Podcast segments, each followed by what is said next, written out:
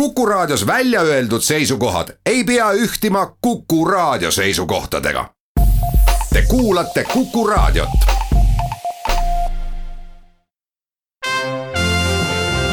Tallinna Filharmoonia esitleb Filharmooniline huvitaja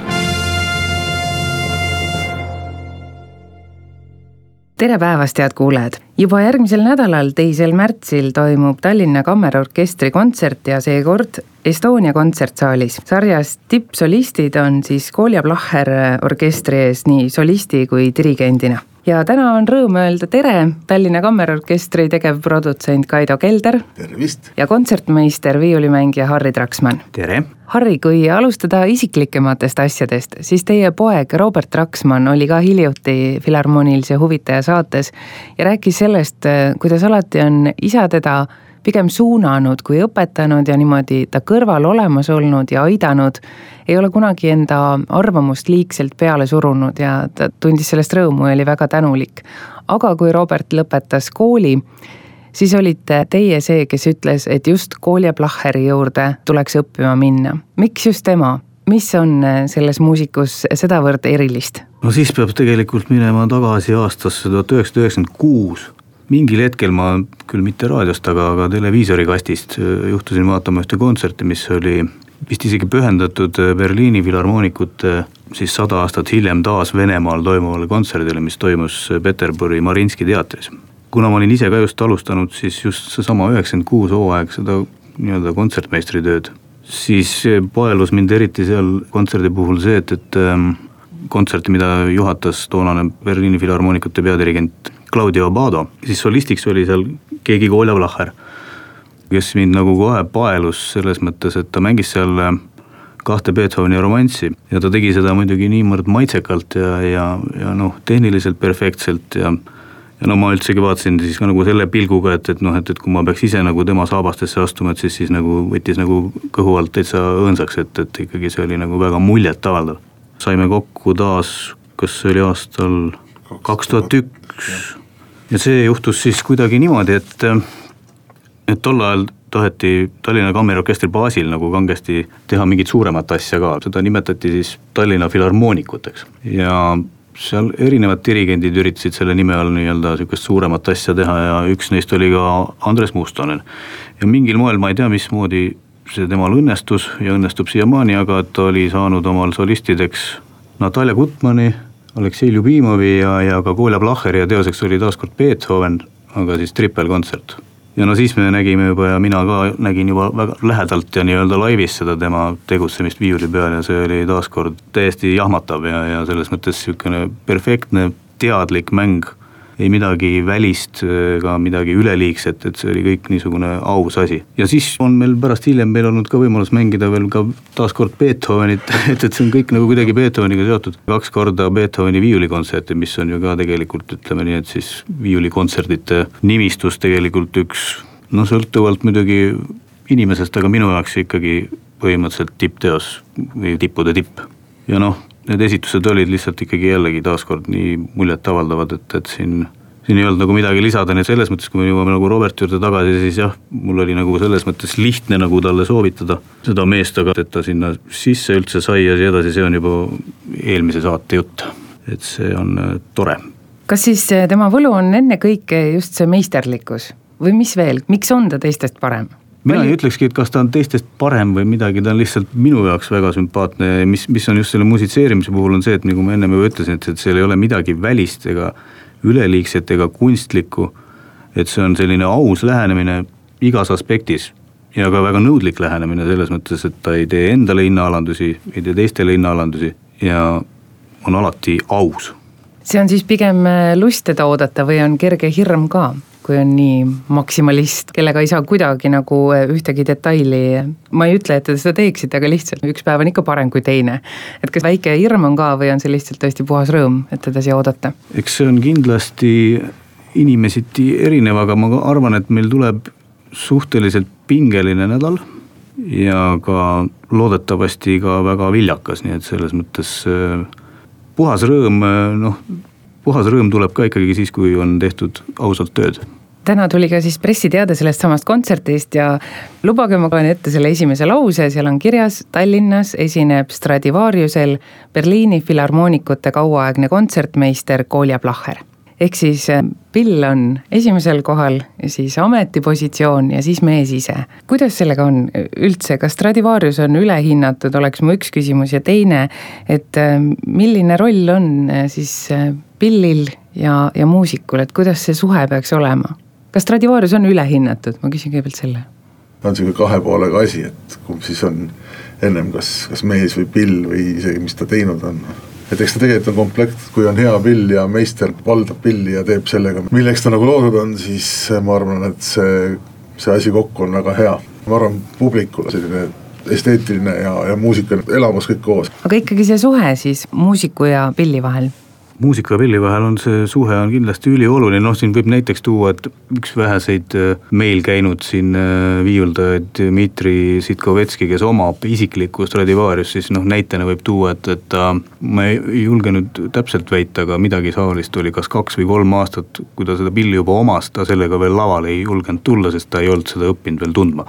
ehk siis ta ei olnud kokku kasvanud, nii et, et see on, see on kindlasti väga oluline mis puudutab seda reklaami asja, noh, see on muidugi nii-öelda laiemale publikule kindlasti ütleb see Stradivariuse nimi, see on nagu sünonüüm viiuli või viiuldaja kohta, eks ole, et, et kui tal on Stradivarius, siis see midagi tähendab. noh, samas neid tipp-pille on ju veelgi, on Guarnerid, on Amatid, mis ei ole nüüd niisuguse värvinguga ilmselt kui Stradivarius, nii et see on nagu kindla peale minek. aga nüüd tema puhul ma arvan, et ta võiks ükskõik mis pilliga mängida, et, et see ei ole nagu nüüd teab, mis kõige tähtsam asi, et see on tore, et tal on see hea pill samas, kui me Stradivariusest räägime, et, et, et neid on ju ka, kas neid on umbes viissada tükki vist säilinud, mida veel mängitakse, nad on ka tegelikult väga erineva tasemega, nii et või noh, ütleme, et nad ei ole ühtlaselt, et nüüd on Stradivariused, siis nad on, seal on ka need kõikumised on üles-alla, nii et, et. see pill on siis meistri hilisemast ajast, ma saan aru, tuhat seitsesada kolmkümmend ja tema nimi on Triton Kolja Placher ise on öelnud oma pilli kohta, et tas on eh, sellist kõla, mis paneb inimesed kuulama, lõputult värve muidugi,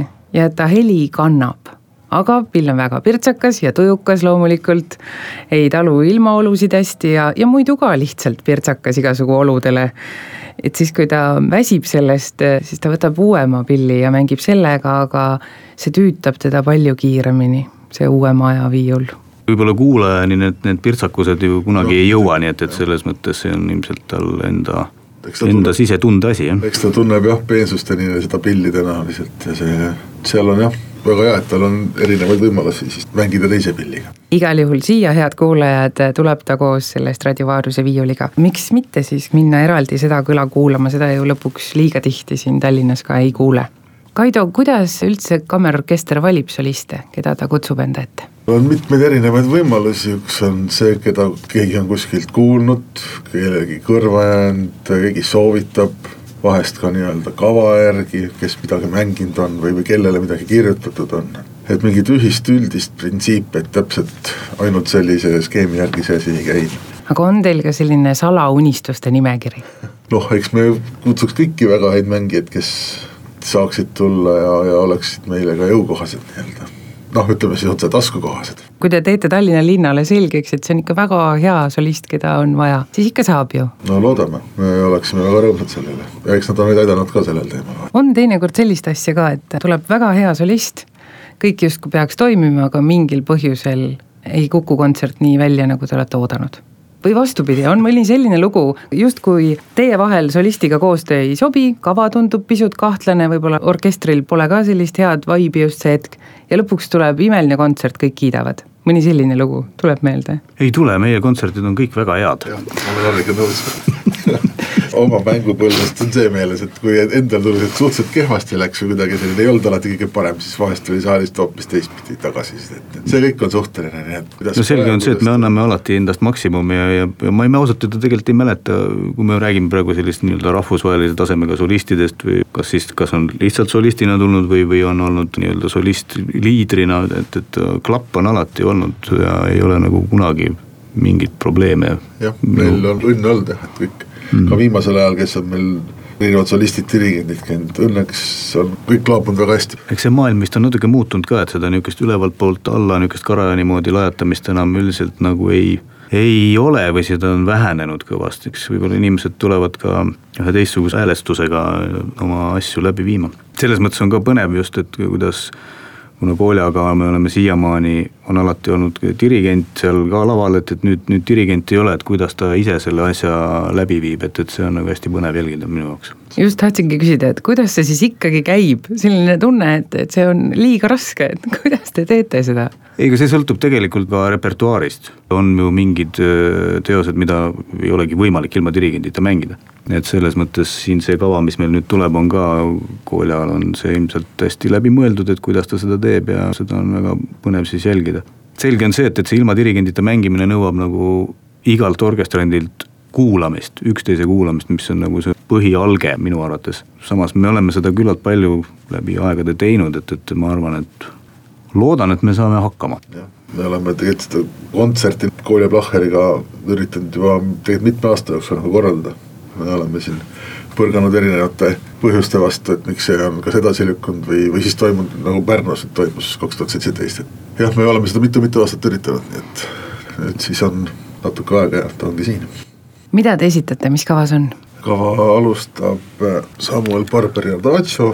Barberi kõige tuntum teos, tõenäoliselt, mis on tegelikult Keelpilli kvartetist kas oli opus üksteist teine osa, mis on arranžeeritud keelpilliorkestrile, no see on muidugi absoluutne sihuke keelpilliorkestri hitt, et seda ma usun, et iga inimene teab. see on ka jah, nii mõneski filmist läbi jooksnud see, see muusika, siis on Mendelsoni viiulikontsert D-moll, ehk siis Mendelsonil ei ole mitte see üks kuulus, vaid tal on neid kaks vist peaks olema ühesõnaga, me ei mängi seda kõige kuulsamat, aga järgmist, mis on siis noore Mendelsoni kirjutatud, aga virtuoosne, väga selline väljakutsev teos. et see siis lõpetab esimese poole ja siis teises pooles siis tuleb ettekandele Kolja Plahheri isa Boriss Plahheri teos Pentagramm kuueteistkümnele keelpillile ja siis kontserdi lõpetab Joosef Haidi sümfoonia number nelikümmend üheksa, La Passione kas vastab tõele, et Kolja Plahheri juured on siin ka pisut meie kandis? vot mina üritasin seda uurida, aga seda peaks tema enda käest küsima, kui ta siia tuleb, et kuidas sellega täpselt on, aga minu ainuke kõige selgem viide on see, et sama tema isa Boriss Plahher on kirjutanud kammerooperi, mille nimi on Habeme ajaja täiesti